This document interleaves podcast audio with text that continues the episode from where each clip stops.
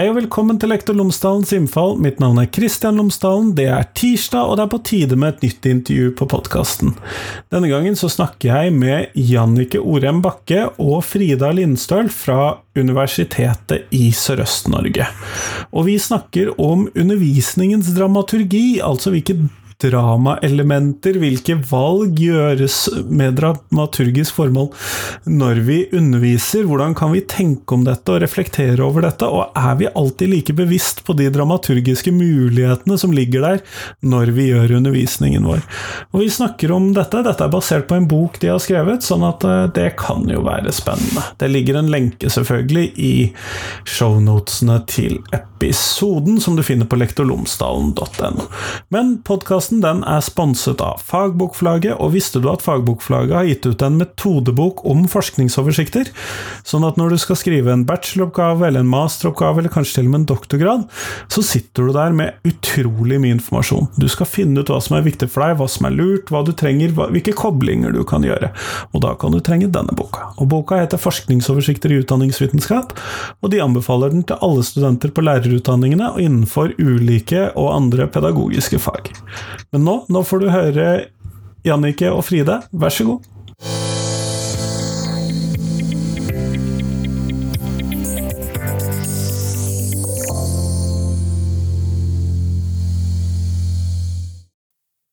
Jannik og Fride, tusen takk for at dere har tatt dere tid til meg i dag.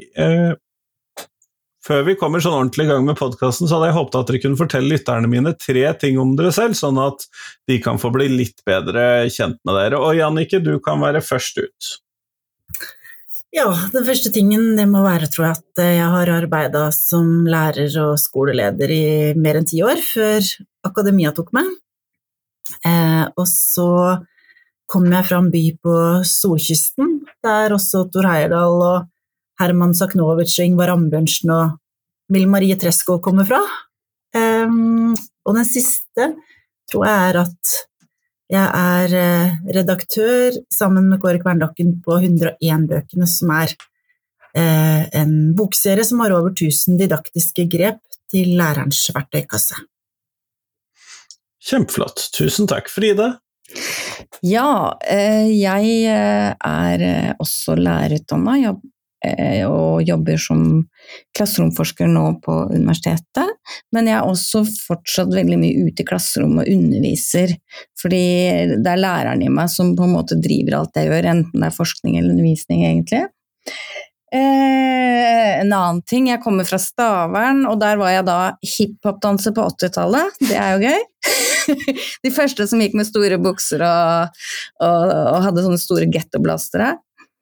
Eh, det siste er jo kanskje at jeg er en som er veldig har både matematikk og norsk og kunst i, i fagsekken min, og det er kanskje litt rart at jeg både elsker tall og systemer og kunst, eh, og det kanskje er litt uvanlig og litt gøy. Og det tror jeg gir noen sånne nye innblikk i klasserommet, da, som jeg kan bruke. Kjempeflott, tusen takk. Dere har jo skrevet en bok om klasserommets dramaturgi. og eh, Når vi da skal snakke om dette som tema, så må vi jo kanskje først etablere hva er det vi mener med dramaturgi i denne sammenhengen. Og ja, for hva mener vi? ja, altså uh, All undervisning og all formidling det har en dramaturgi, tenker vi. Det har en komposisjon. Uh, og det var egentlig utgangspunktet at vi ønska bruke da, dramaturgi som et verktøy til å snakke om det å planlegge og gjennomføre og analysere og reflektere over undervisning, og tenkte at dramaturgiske perspektiver de er gode å bruke til å se og snakke om klasserommet, og se på klasserommet som et spillerom, hvor det vektlegger både estetiske og kunstneriske ja, dimensjoner, da. Kjempeflott. Frida? Ja, jeg har lyst til å si det at Dramaturgi er noe som man har holdt på med siden 1700-tallet. Altså det med, og Opprinnelsen til dramaturgi var jo å finne ut hva som gjorde at folk gadd å høre på, bli påvirka, bli berørt, føle med personene som fortalte fortellinger på scenen. Sånn at uh, hele den dramaturgien som vitenskap handler jo om det at eh, noen eh, har noe på hjertet, en lærer har noe på hjertet som man ønsker at elevene skal medskape i eller lytte på eller lytte til. Eh, og Derfor tenker vi at eh, klasserommet er jo også et sånt sted som vi tvinger 30 elever eller 20 elever til å komme, stå opp og være sammen i et rom. Eh, for å forhåpentligvis lære noe eller bli bevega av noe. Og det, Derfor mener vi at dramaturgi er en veldig sånn fin analogi og en fin eh, inngang til å jobbe med undervisning. Da. Men hva, hvis vi da ser på dette som i stor grad en bevissthetsting, da, altså at det er noe for oss lærerne å være bevisst, hva, hvilke fordeler er det for oss eh, lærere å ha denne dramaturgiske tankegangen i bakhodet i undervisningen? Ja, fordeler Jeg tenker at eh, fordelen er at dramaturgien er veldig praksisnær. Den er veldig tett på de handlingene og de, eh, de, det, det, vi gjør som lærere i klasserommet. Og 80% av det vi gjør som lærere, er jo noe vi, vi, vi, organiserer, eller vi forteller, eller vi forklarer, eller vi løser konflikter. Altså det er tett på den praksisen vi utøver, både faglig og relasjonelt i klasserommet. Og dramaturgi er både utvikla gjennom praktiske eh, øvelser, handlinger, men også eh, tilbyr det et språk som man kan bruke for å tenke om den praksisen man har, enten alene om sin egen undervisning eller sammen med andre da, i, i, fellesskap med andre lærere på skolen. Mm, det er ikke så lang oversettelsesvei, for å si det sånn, fra teori til praksis. Dramaturgi eh, før, altså i tillegg til dramaturgene sjøl. Det er jo mange i andre fag som som bruker dramaturgi som en metafor til å snakke om undervisning eller klasserommet som en scene eller som en spillarena. I norskfaget, som er mitt primære fag, så har jo Jon Smith f.eks. snakka mye om eh, faglige scener og hva som utøver seg, at de utøver seg ulikt på ulike Altså ulike fag utvikler seg og, og ser ulikt ut på ulike faglige scener. Det er jo eh, krevende å skulle ha denne bevisstheten, for det vil jo da kreve en ulik bevissthet i ulike fag, og at man trekker, ja, eh, trekker på ulike perspektiver da, i denne dramaturgien. Litt avhengig av hva man skal oppnå, kanskje? Mm. Mm.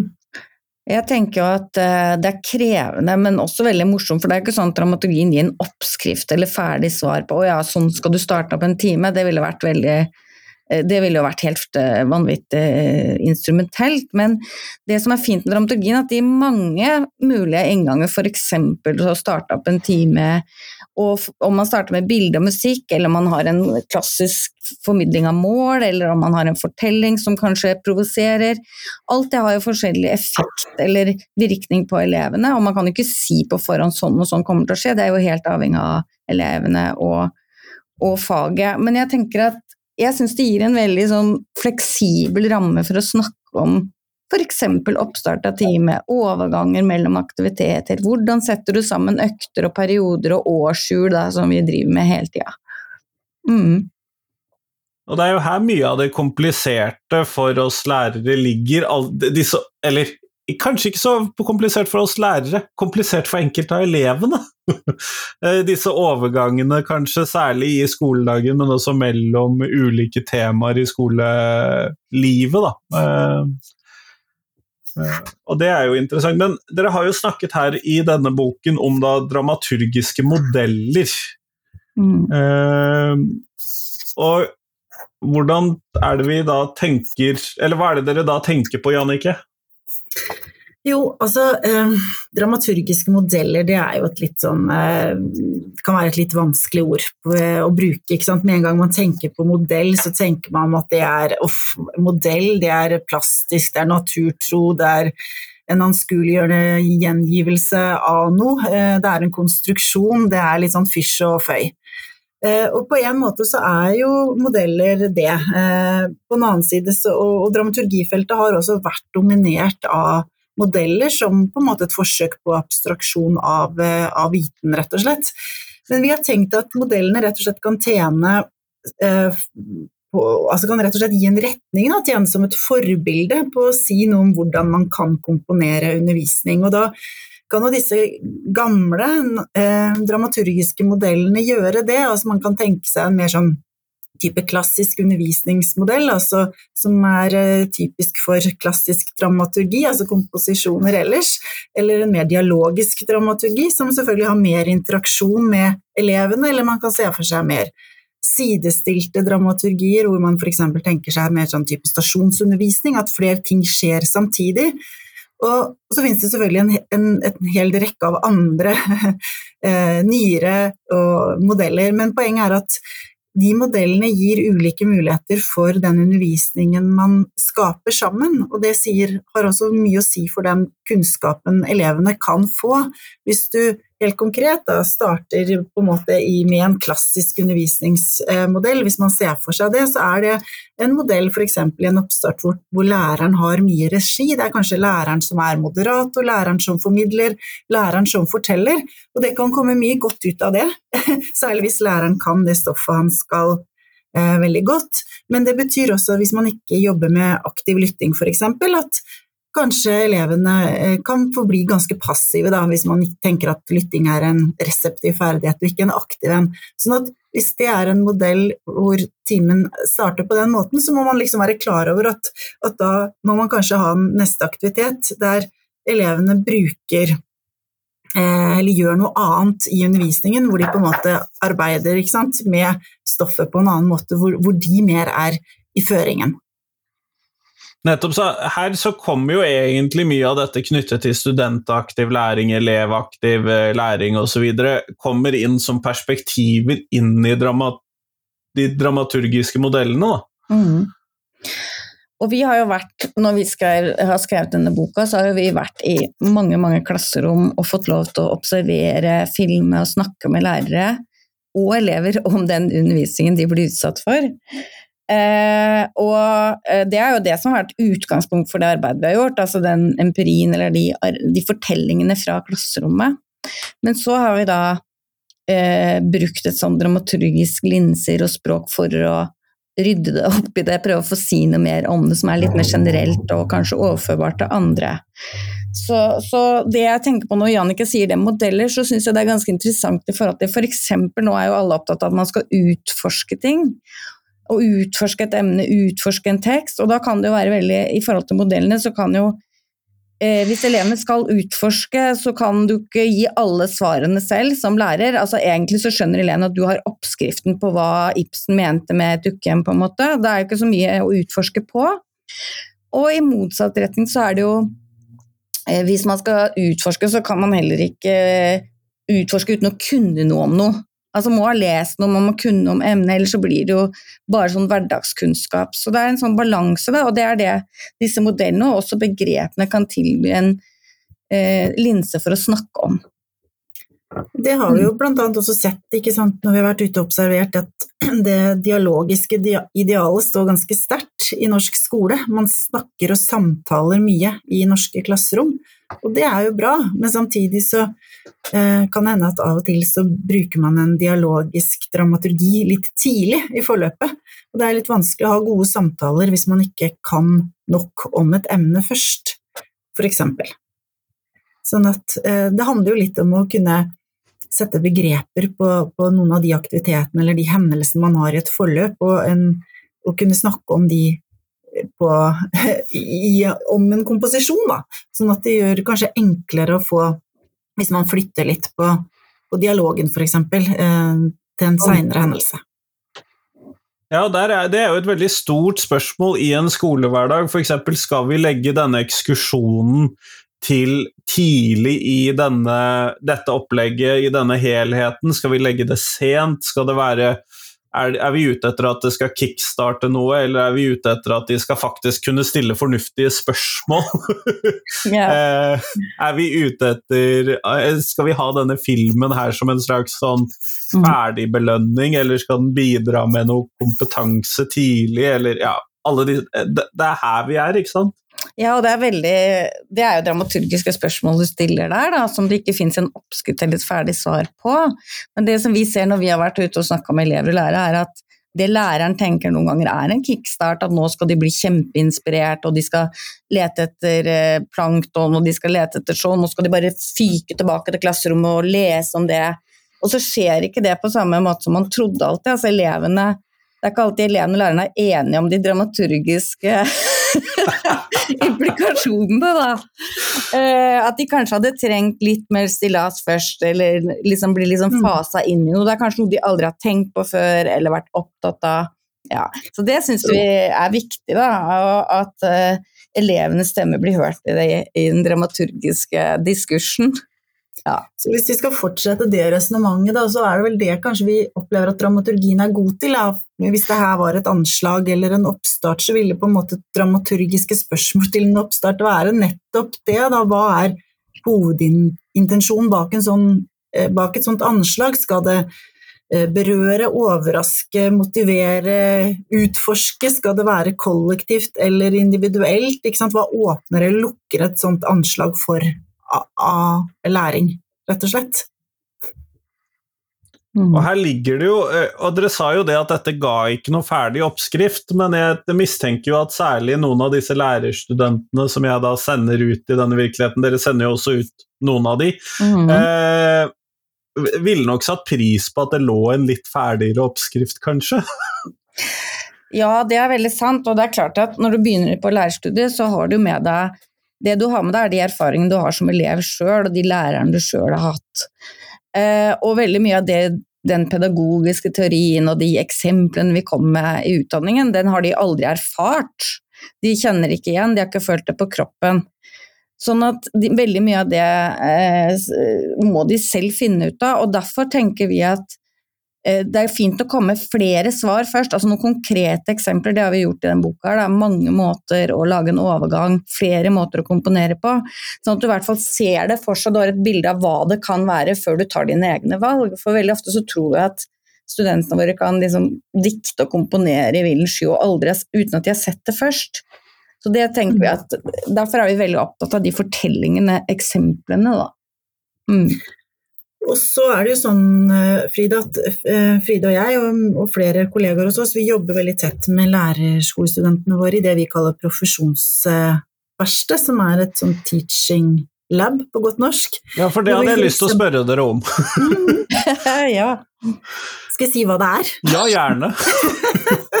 ja, det er rett og slett eh, det er et læringslaboratorium, et, et rom da, som egner seg godt å trene på undervisning hvor vi også har muligheter for opptak, f.eks., og en del materiell og sånn. Men du kan se for deg et ganske flatt, eh, stort klasserom. Eh, og det som er intensjonen med, med teaching laben, er f.eks., hvis vi skal holde fast i det vi nettopp har snakket om, f.eks. å trene på 20 ulike måter å starte samme time på, med samme tema.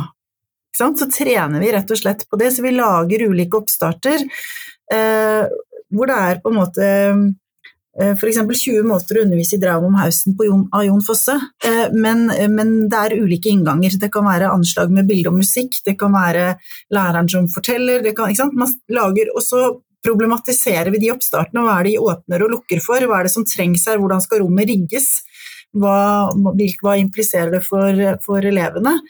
Eh, og så er jo den refleksjonen selvfølgelig uhyre viktig. Så vi jobber med det, og så modellerer vi som jobber på lærerutdanninga det, og så må studentene selvfølgelig selv modellere og gjøre og lage variasjoner over de eh, oppstartene vi har lagd, før de gjør det i praksis i etterkant. Så det er jo en måte å øve praksis på, rett og slett.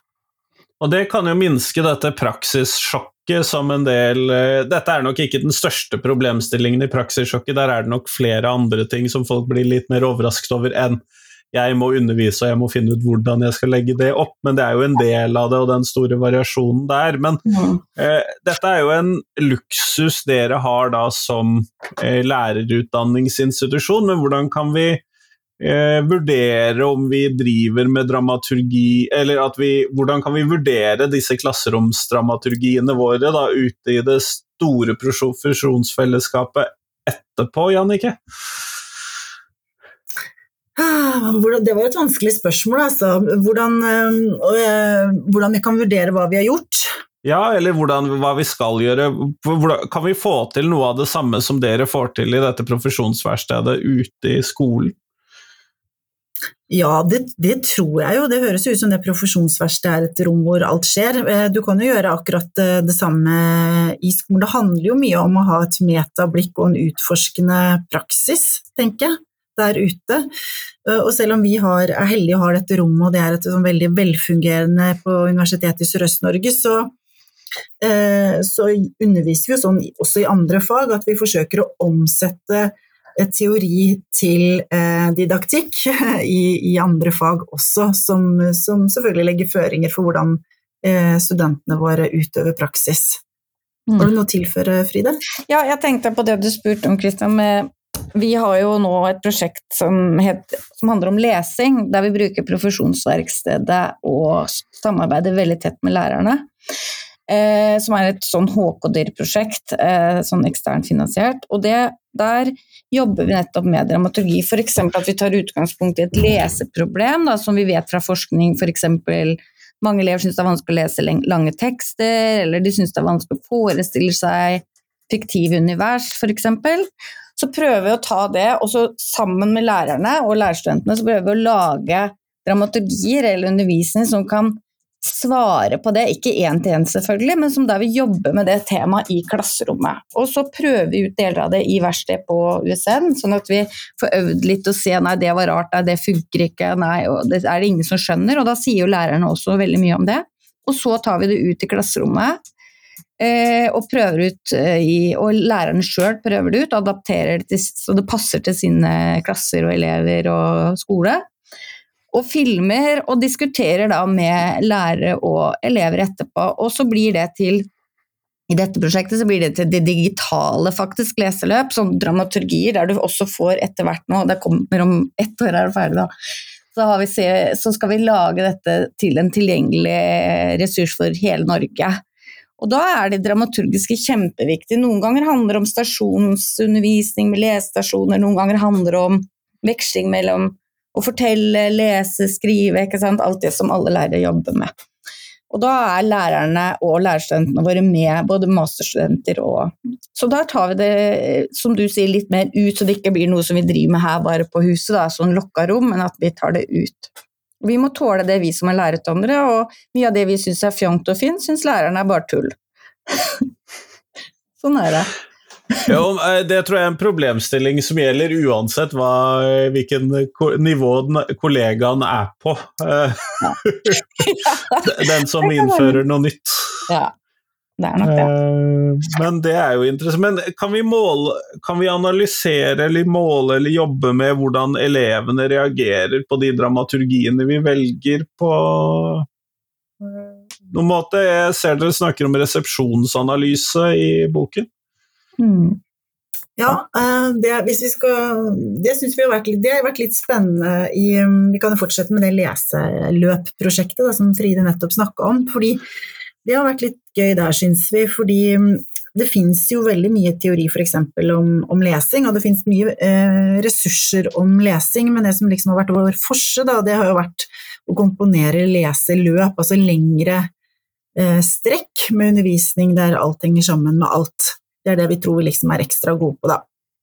Og så er det spørsmålet som du sier, resepsjonen av dette, altså hvordan erfarer og opplever elevene det, og det har vi brukt mye tid på da med disse leseløpene, at vi har forsøkt underveis både å observere og intervjue, og la elevene også skrive og formidle tekst om hvordan de opplever de ulike aktivitetene og hva de har lært. Eh, men vi har ikke bare spurt elevene, vi har faktisk både spurt forskerne, som, altså medforskerne som har vært med oss, og vi har spurt lærerne og elevene, så vi har på en måte tre stemmer da, som problematiserer eller tematiserer de ulike aktivitetene som vi har gjort i klasserommet, og det er veldig morsomt, for av og til så er vi jo skjønt enige om at dette var veldig vellykka eller dette gikk ikke, men mange ganger så er det også tre ulike blikk på de ulike aktivitetene, og noen ganger er vi jo veldig uenige om hvor vellykka det var også, og da svinger det ordentlig, fordi da, da kan man jo faktisk finne ut av noe, ikke sant? Eh, hvorfor er det det elevene trigges av det, men lærerne syns det er unødvendig, eller hvorfor er det forskerne syns det er en så briljant idé, men det fungerer ikke i praksis? Så det syns vi er morsomt. Mm. Det er jo noe av det krevende i dette når vi da skal lage den undervisningen, for jeg syns jo ofte jeg er genial, men jeg tror ikke elevene mine jeg alltid er like fan. Nei. Så kan det være omvendt òg, at du tenker at det var helt ok, men at elevene faktisk ble opptatt av det du sa, eller det de gjorde var meningsfullt, men mer enn det man trodde. Så det tenker jeg går begge veier. Vi syns noen ganger at det har sett ut som de ikke syns det er bra eller meningsfullt, at det har vært lite aktivitet, men at mentalt da, så har de tenkt mye, de har reflektert mye lenge etterpå, sånn at det har satt dypere spor enn det vi trodde. Så det er liksom begge veier, det der. Mm, det er ikke alt som syns på kroppen, som jeg sier. Man kan være ganske glad inni hodet sitt òg, eller ganske føle mening i hodet sitt og det ikke syns på film, da. Mm. Og så handler det jo av og til også om at det, i hvert fall når vi har vært ute og, og testa ut mye ting, så har de jo blitt utfordra mye, både lærerne og elevene. De gjør ting de kanskje ikke har gjort. Og det å gjøre ting på nye måter er jo også krevende, og det oppleves jo veldig forskjellig for noen og gir et litt ulikt uttrykk. Noen kan bli veldig glad, og noen kan bli anspent, og noen forsiktig. ikke sant? Sånn. sånn. at det er veldig viktig å avsjekke eh, læringsaktivitetene, selvfølgelig. Men hvis vi tar noen sånne grunnsteg, da, fordi at vi må jo Hvis vi da skal eh, lære oss å tenke litt dramaturgisk inn i dette når vi da skal eh, jobbe med hvordan vi legger opp eh, undervisningen vår, hva tenker dere er liksom de ulike fasene som må være med når vi skal legge opp en dramaturgi. Eh, dette er vel tilnærmet sjangerkrav, kanskje vi kan snakke om i dette her. Eh, ja. Eh, Fride? Det enkleste er å begynne med å tenke at man skal ha en, en oppstart, og man skal ha en hoveddel og en avslutning. Og det høres kanskje litt uh, strengt ut, men det er jo en måte å dele inn på som på en måte uh, gir uh, F.eks. at avslutningen det blir en ordentlig avslutning som du utnytter for å se oppsummere eller stille spørsmål eller eh, sjekke an hvordan var det altså, For ofte blir avslutningen veldig sånn glemt. altså Det blir sånn 'oi, der ringte klokka'. Men at du faktisk utnytter det at man har vært gjennom et helt forløp sammen. Så jeg tenker det der med de hoveddelene er veldig ok å, å begynne med. Eh, og der skriver vi om masse eksempler på hvordan de kan komponeres. altså F.eks. en hoveddel kan være en, man kan veksle mellom at man gjør noe, altså erfarer noe, enten en oppgave eller at man leser noe, og så reflekterer man etterpå. Fordi vi er veldig opptatt av f.eks. at man ikke kan reflektere over noe som ingen vet hva er, eller kan noe om, eller har erfart, men den vekslingen mellom erfare og reflektere f.eks. er en ok greie å bruke en hoveddel. Og når man har gått inn og sett på det, det er jo noe alle lærere bruker i alle, alle fag og alle trinn, så kan man gå videre og se på det vi kaller dramaturgiske innganger. Og Det er, høres kanskje litt sånn diffust ut, men det er egentlig veldig konkret. Det handler om hvordan du utnytter rommet, altså klasserommet. Eh, både sånn at eh, man organiserer det og rigger det for eh, de aktivitetene skal komme, men også hvordan man kan bruke det også som en måte å støtte, underbygge noe som kanskje er spennende som skal skje. Man lager en rettssal, eller man lager en eh, installasjon i rommet.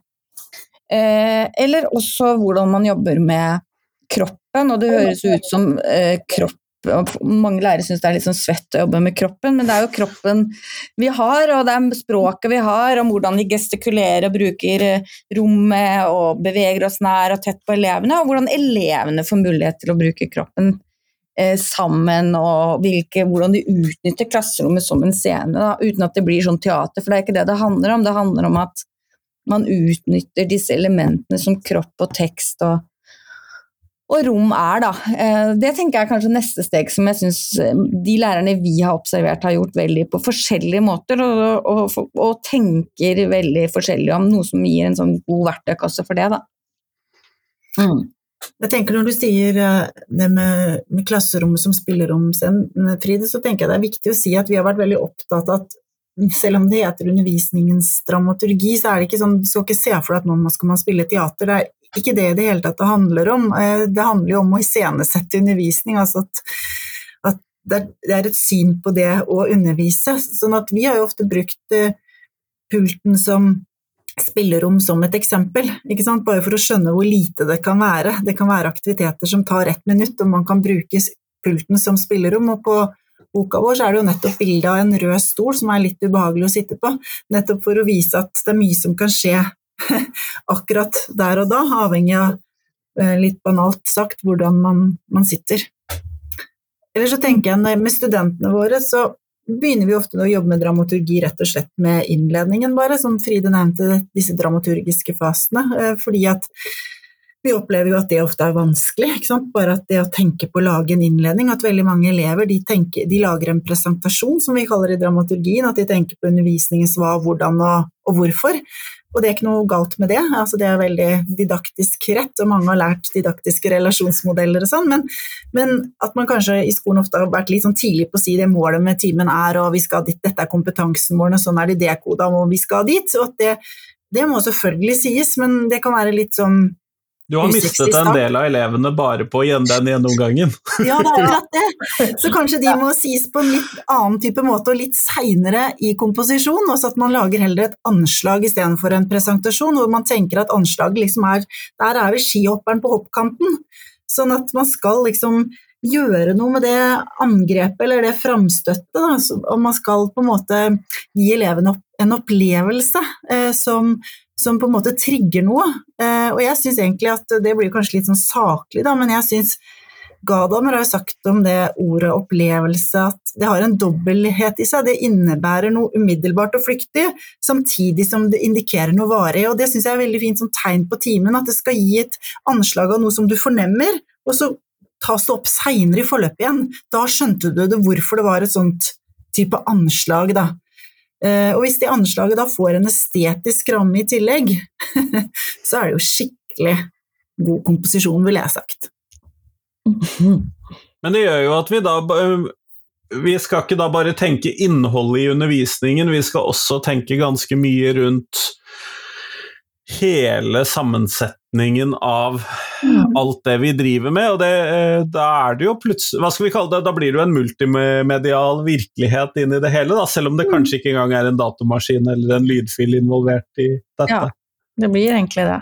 Så blir det til og med en profesjon. At du, man kan ikke bare hente inn noen rett fra gata og undervise. Man må kunne noe. Ja. Det er litt gøy. Ja. Mm. Men det er veldig viktig det du sier også med innholdet, at vi er veldig opptatt av innholdet at innholdet får den formen som, som den på en måte altså, Samspillet mellom form og innhold i de didaktiske valgene, eller dramaturgiske valgene som vi er opptatt av, er ekstremt viktig. Så dramaturgien er veldig tett på de fortellingene, begrepene, modellene, konfliktene som fagstoffet gir oss helt gratis i dramaturgien. Da. Så samspillet her er veldig viktig. Mm. Konflikter også, sa du?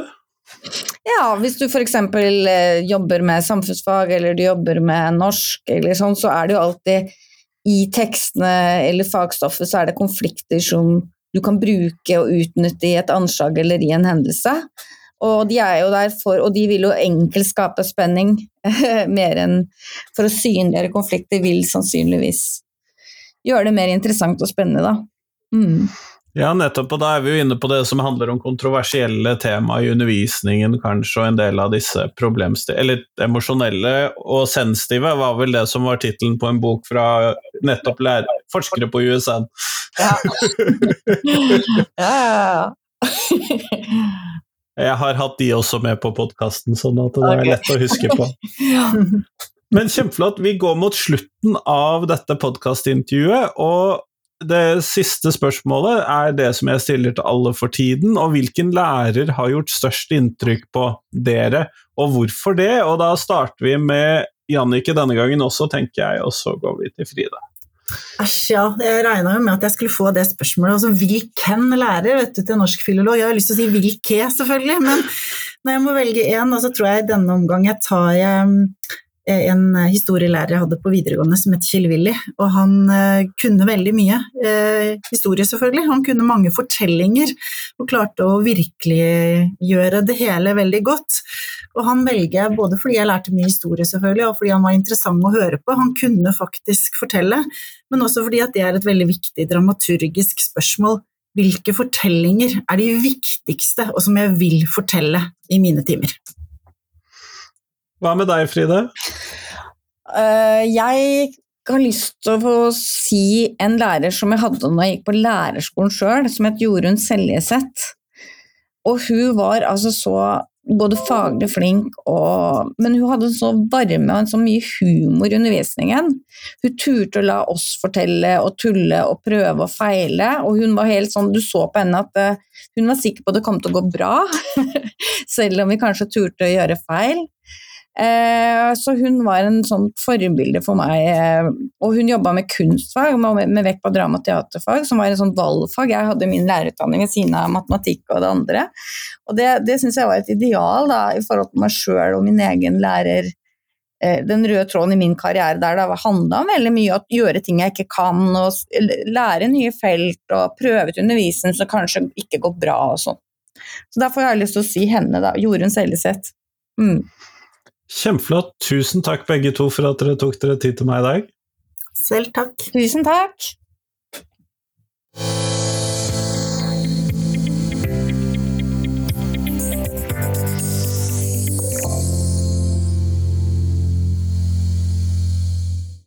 Tusen takk til Jannicke, tusen takk til Fride, og tusen takk til deg som hørte på. Nå er det fram til neste uke før det kommer en ny episode på Lektor Lomsdalens innfall, men allerede på fredag så kan du høre en eh, reprise fra en tidligere gullepisode på podkasten. Og det tenker jeg at vi alle sammen skal glede oss over. Nå har podkasten snart holdt på i syv år, og det er utrolig mye gøy som har vært innom podkasten. Jeg prøver å hente ut noe som vi kan trekke fram igjen som er verdt å høre om igjen. Og det er en hel del, faktisk. nå har jeg kommet til midtveis ca. i 2018, og jeg satser på at du også vil sette pris på de podkastepisodene. Men nå, nå får du ha en fin uke. Del podkasten min med noen som du tror vil sette pris på den. Det setter i hvert fall jeg utrolig pris på. Hei, hei.